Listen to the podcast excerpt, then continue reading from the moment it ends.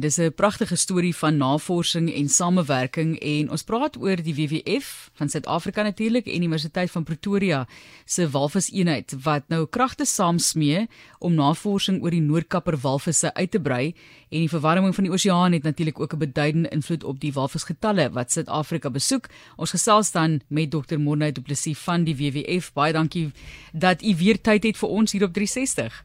Uh, dis groot plesier Marlies. Soveel werk wat julle het. Ek weet nie hoe julle alles bymekaar hou nie, maar fantastiese navorsing wat gedoen word. Eerstens dalk Dr. Du Plessis net eers oor die Noordkapper walvis. As jy vir ons 'n paar karaktertrekke van hulle kan gee en vir ons verduidelik waar aan die kus en wanneer ons hulle kan sien. Ja, kyk, die suidelike Noordkapper uh, walvis is natuurlik uh, die spesies wat ons uh, baie gereeld hier in die baie om om die suidelike dele van Suid-Afrika sien by Hermanus deur na De Hoop toe. En hulle kom gewoonlik hier in Junie, Julie se kant en dan is dit gewoonlik uh, koeie. Onthou 'n walvis is 'n koei, koeie wat kom kalf en dan is daar partykeer ehm um, van die bulle en van die van die koeie wat nie in kalf is nie wat saamkom. En ons vind uh, jy weet dat hulle dan uh, van laat in die jaar hier teen teen die somerse kant gaan hulle weer suid. Hulle hou nie van warm water nie, so hulle gaan terug na die koue water toe. En 'n mens moet onthou dat uh, noordklapper walvisse ehm um, uh vreet net as hulle in die diep in die suidelike oseaan is. So as hulle op ons kuslyn is, uh is gaan hulle basies op hulle petrol tanks van jy weet hulle maak hulle leeg terwyl hulle hier is. So as hulle voet in die suidelike oseaan is dit hoofsaaklik op daardie zooplankton, die kriel, uh, soos die Engelse noem dit krill. Dis klein garnaaltjies wat hulle uit die water uit opsif. En dis daardie petrol wat hulle dryf om na ons kuslyn toe te kom en dan ook om te kom kalf. In terme van die getalle, dokter, hoe lyk dit op die oomblik?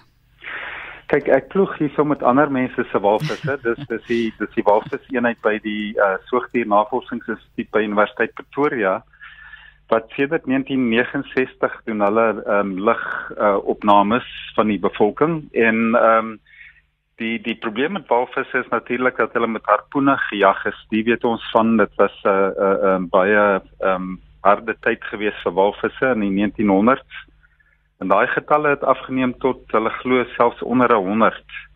Nou daai getalle het baie mooi teruggegroei teen omtrent 7%, 6.5-7% van die bevolking aanwas per jaar.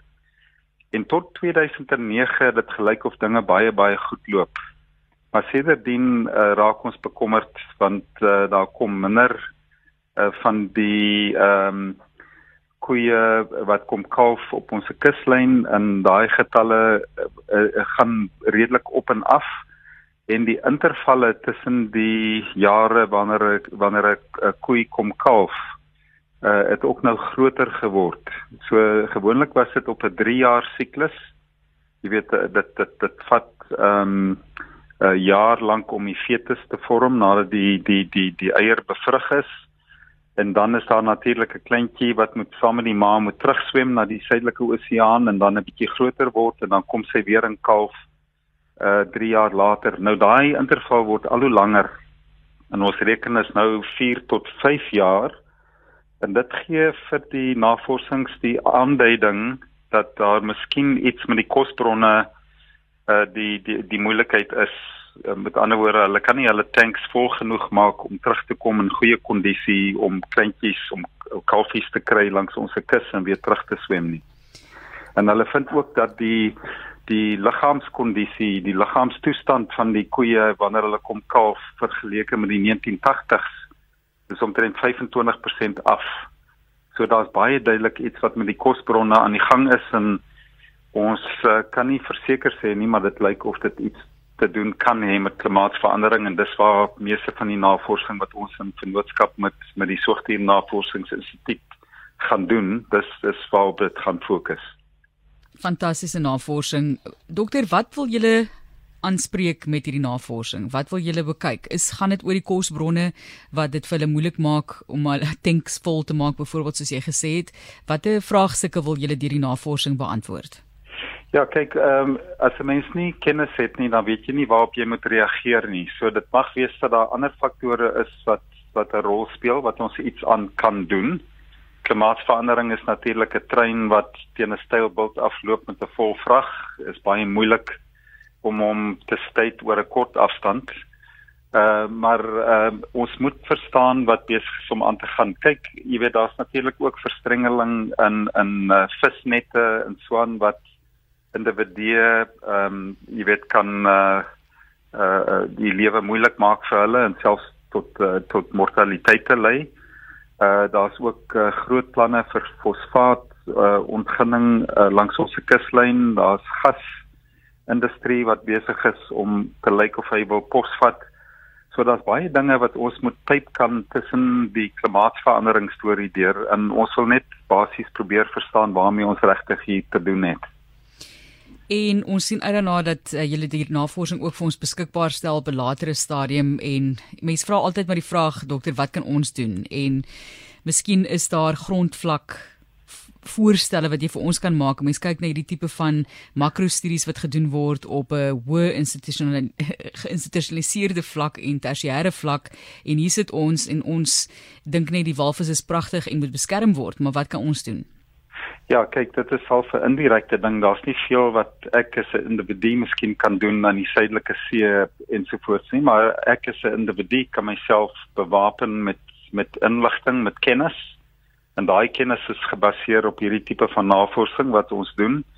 En dit is maar net weer eens 'n verdere kanarie kanarie in die steenkoolmyn wat vir ons die syne gee in ons as individue moet al ons kanaries in een hok sit en luister na hulle en dan self uh, seker maak dat ons druk sit op die mense wat besluite neem dat ons ehm um, jy weet meer daadwerklike stappe moet neem om om die die langtermyn toekoms ten opsigte van klimaatsverandering uh, hok te kamp. Jy weet dis dis byvoorbeeld uh ons praat altyd breedweg van die storie van ons moet van fossiel brandstowwe af wegbeweeg. Nou hierdie spesifieke voorbeeld wys vir ons die duidelike koneksie, die verbintenis tussen uh, wat met 'n walvis spesies aangaan aan die een kant en hierdie groter uh, storie van hoe ons ons energie opwek en steel steenkool verbrand en hoe klimaatsverandering as gevolg daarvan gekoppel is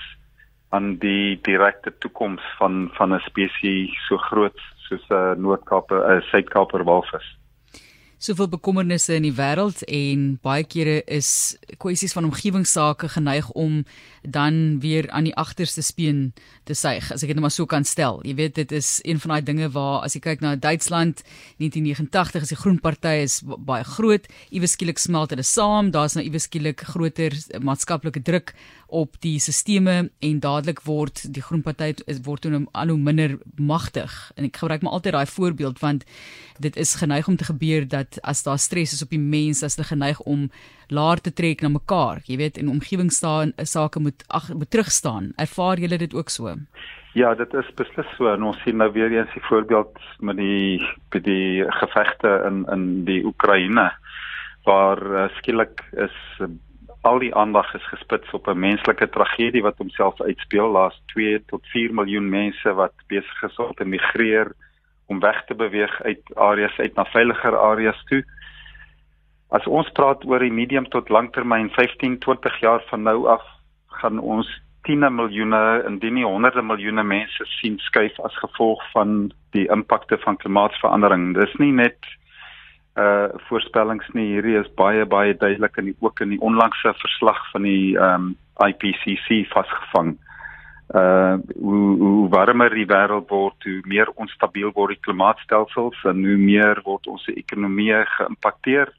Maar op die ou end daardie persoonlike stories van families en individue wat moet skuif, wat na 'n ander plek moet gaan wat veiliger is uh en ons verloor sig daarvan wanneer ons in hierdie hierdie om oombliklike uh, uh jy weet oorlogssituasies vasgevang word. Ons het eintlik nie as die mensdom met ons nie die ehm um, die luxury om om in oorloë betrokke te raak met mekaar nie. Ons het 'n ontsettende geveg wat ons moet veg uh, teen teen die aardverwarming.